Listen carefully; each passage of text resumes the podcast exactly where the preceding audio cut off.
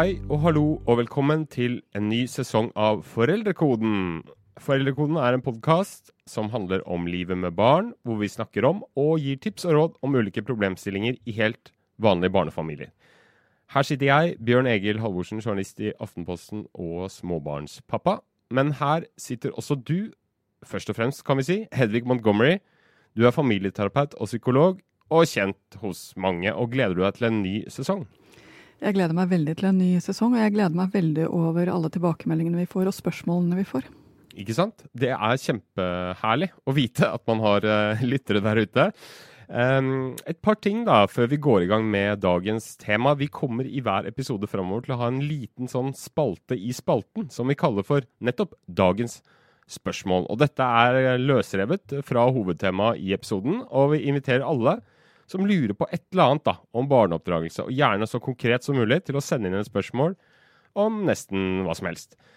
Da kan du bruke en e-post, foreldrekoden at aftenposten.no, men vi har også en Facebook-gruppe. Her kan du melde deg inn og f.eks. poste et spørsmål, da, som vi kan ta opp her. Men da skal vi vel bare gå i gang med dagens tema. Og vi har fått tilbakemeldinger på at vi har hatt litt lite tenåringsstoff i foregående sesong for ikke å si tenåringsforeldrestoff. Og det har vi jo tenkt å gjøre noe med nå, da. Vi skal snakke om eh, protester og intriger og baksnakking og kanskje litt for korte skjørt. Temaet er preteens og tenåringsjenter. Og her er det vel mye å ta tak i, er det ikke det, Hedvig? Det å se barna bli seg selv via en fase hvor de er eh, alt annet enn seg selv, er en veldig rar opplevelse for de fleste foreldre.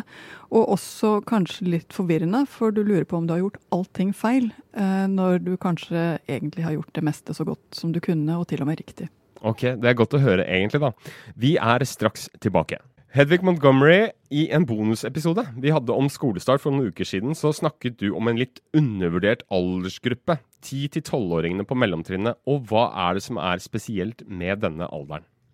Altså 10-12-åringene går fra å være ganske små barn som liker å bli ledet og liker å øh, gjøre som de blir fortalt, til at de begynner å lete etter sin selvstendighet, og ikke minst begynner å lete etter ekte venner. Så sosialt endrer denne gruppen seg mye. De får ofte nye konstellasjoner i klassen. De finner ut hva de liker og hva de ikke liker aktivitetsmessig. De tar mer valg selv.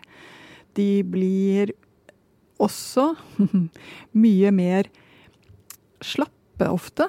Uh, sover mer, uh, klager mer, uh, gjør mindre som du sier. Det virker som ting blir tyngre for dem. Som nok også stemmer, fordi hele kroppen går inn i en slags sparemodus til den store eksplosjonen som skal skje når puberteten setter inn. Så mange opplever at de går fra å ha et livlig, et livlig barn til å ha en skilpadde i hus. Og i hvilken grad er foreldre forberedt på dette? For det er jo ganske tidlig for en så stor endring, kan man si, da, nå allerede når de bare er ti år.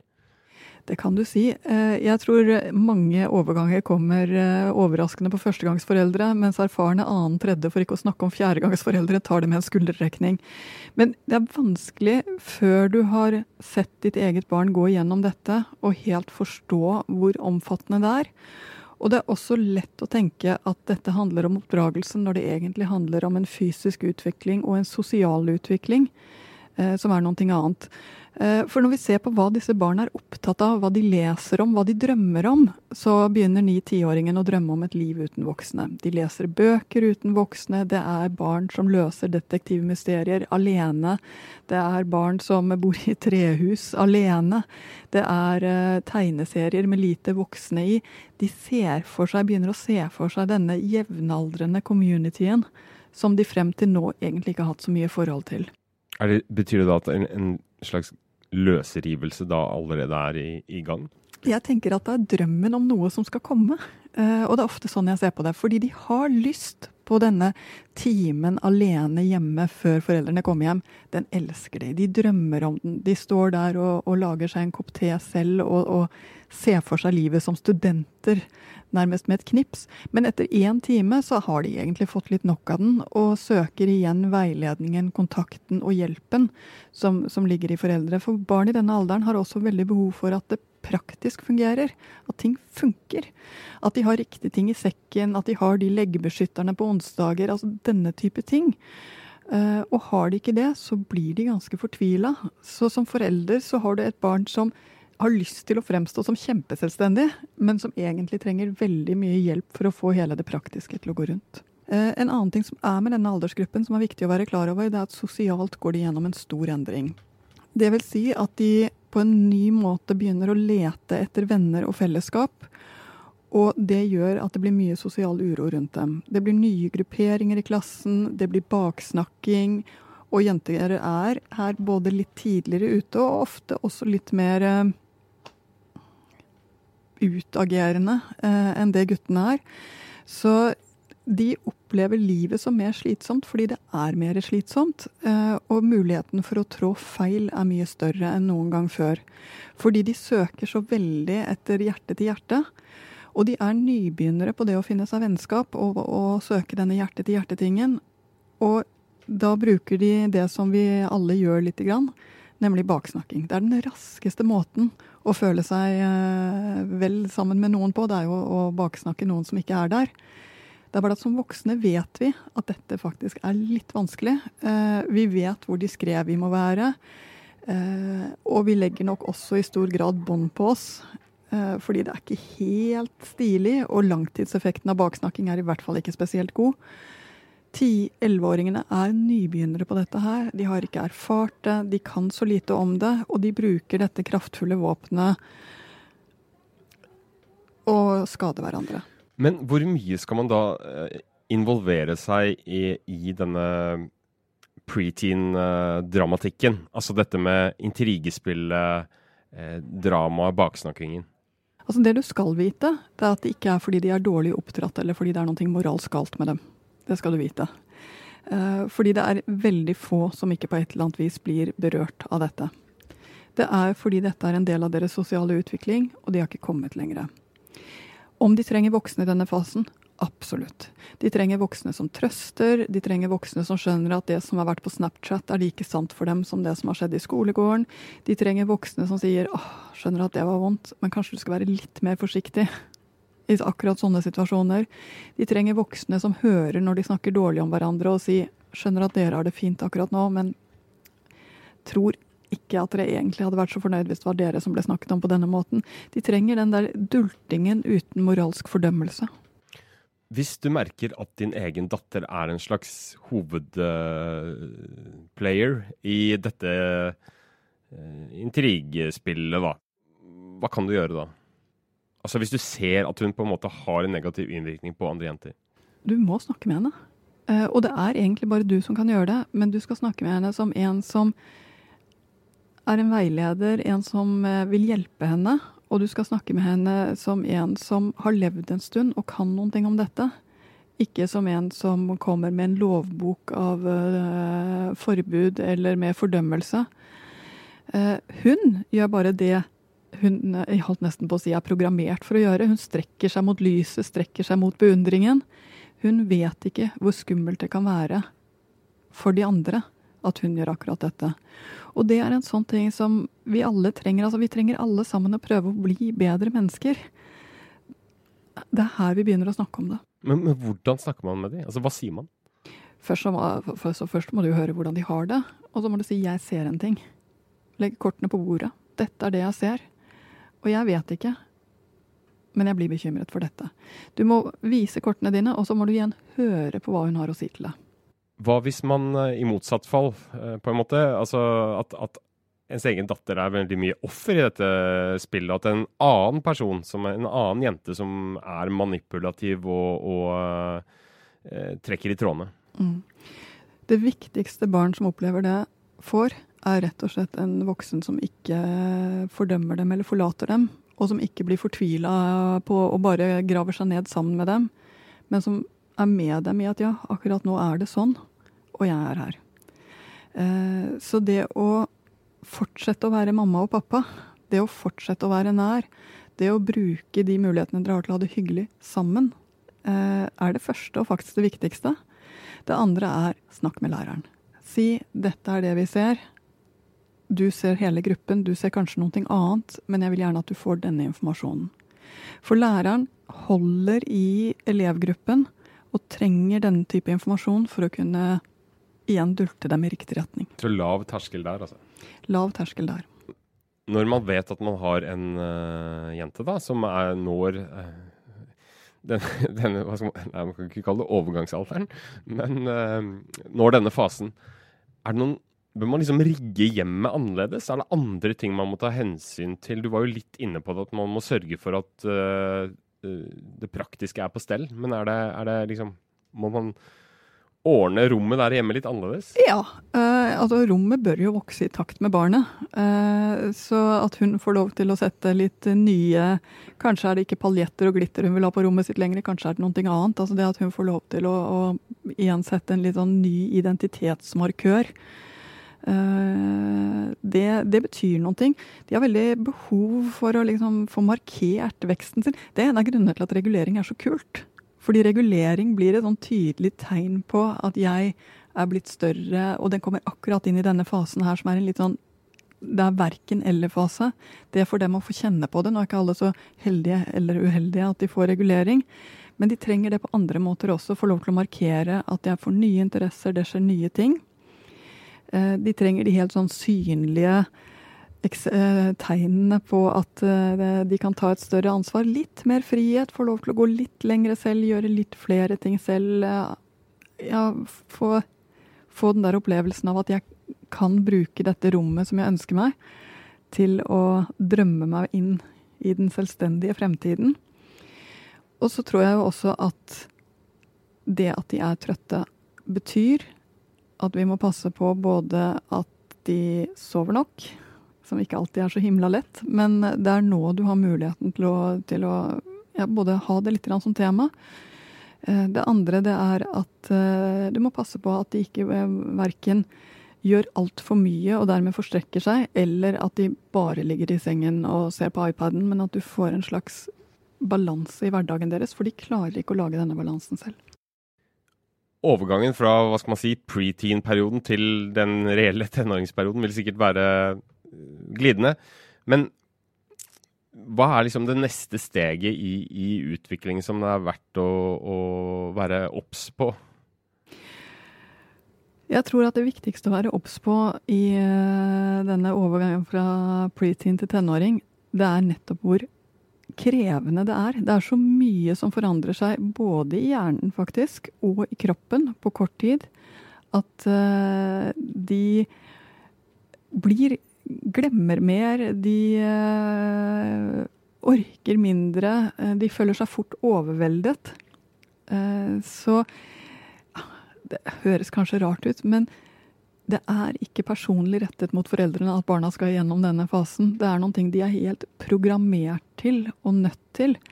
Så å finne din foreldrerolle, som her blir en som veileder, eh, en som dulter litt i riktig retning, en som legger litt mer til rette, uten å være tjener, uten å underkaste seg. For det er helt klart, du skal fortsatt være den som har det overordnede ansvaret hjemme.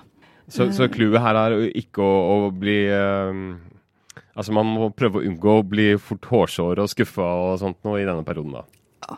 Jeg må bare si at Det kan godt være at du får høre noen ting om deg selv som du verken er sant eller uh, opplever spesielt smigrende.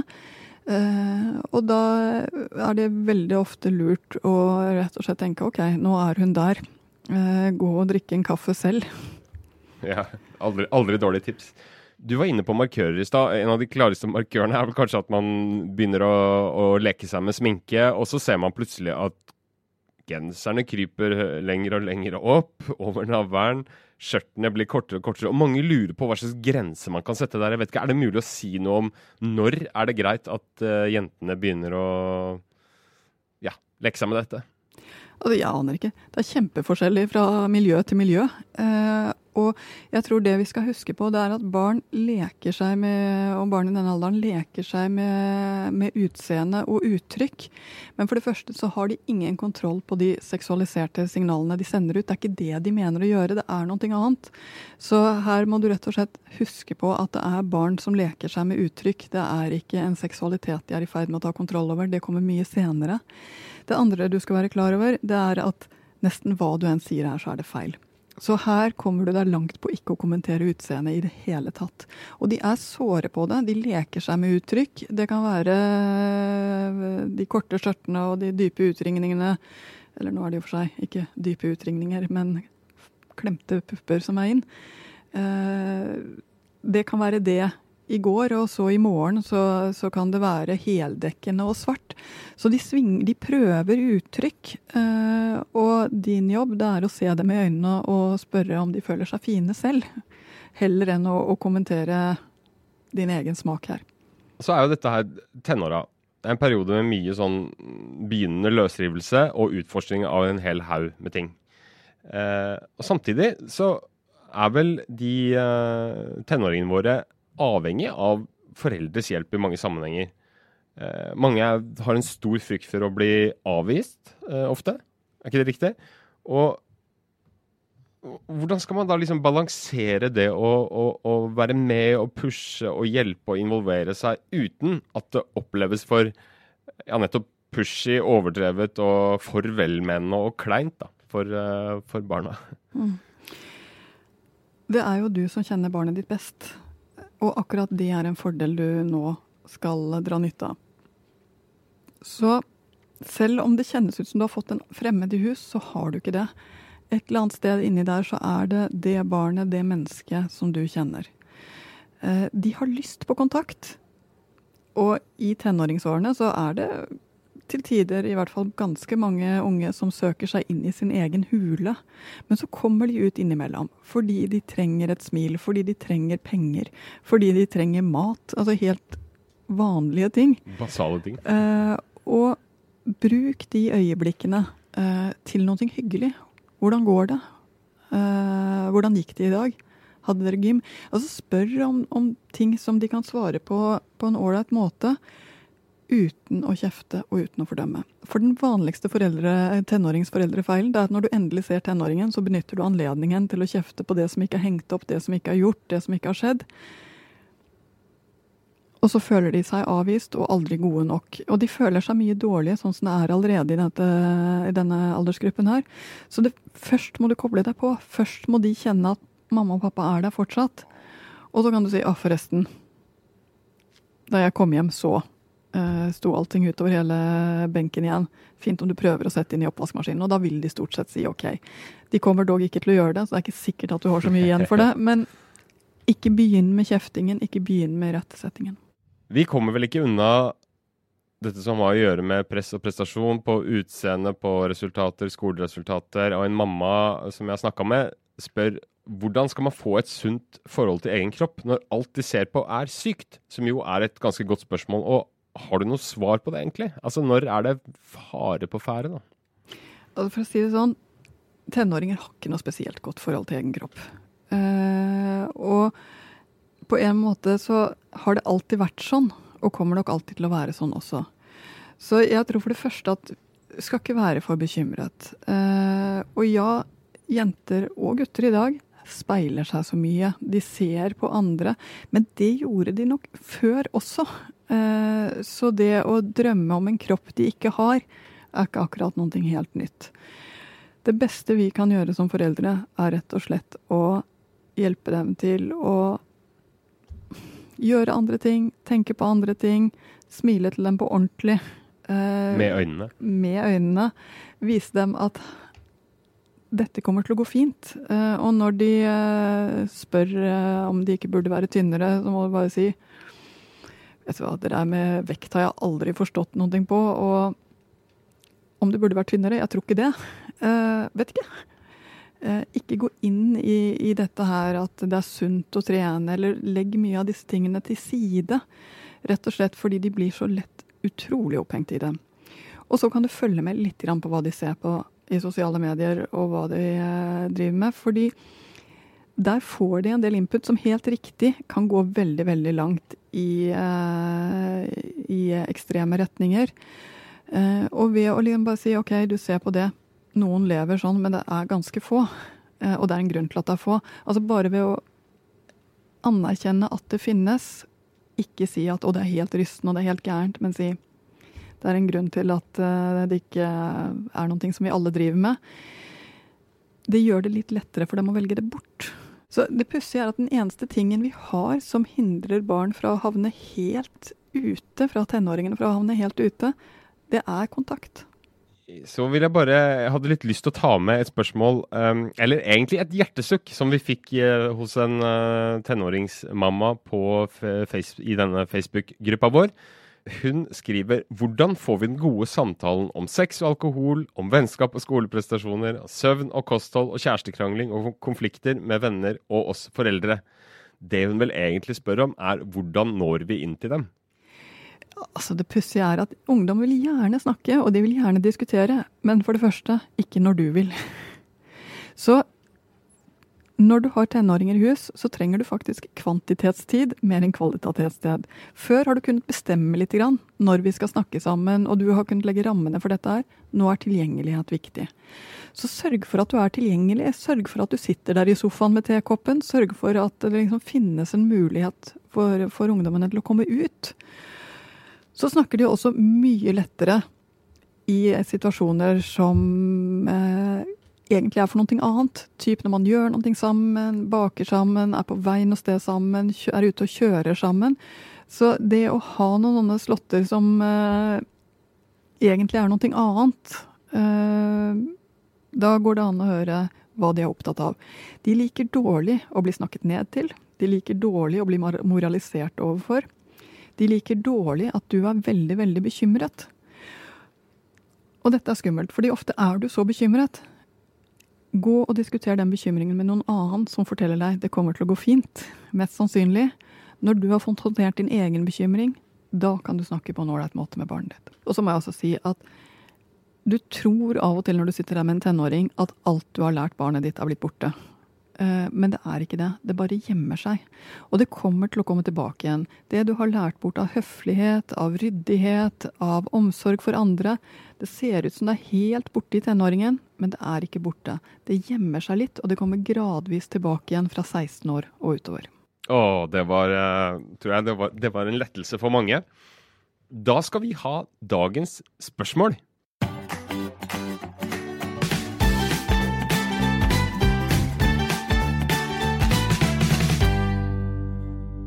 En eh, vi har plukka ut, er, eh, handler om foreldrefavorisering. Og da er det en uh, lytter da, som spør oss hvordan løser man det at et barn velger seg ut én forelder som kan hjelpe, klemme, trøste osv. Da er vi jo litt lenger nede i aldersgruppene, gjerne.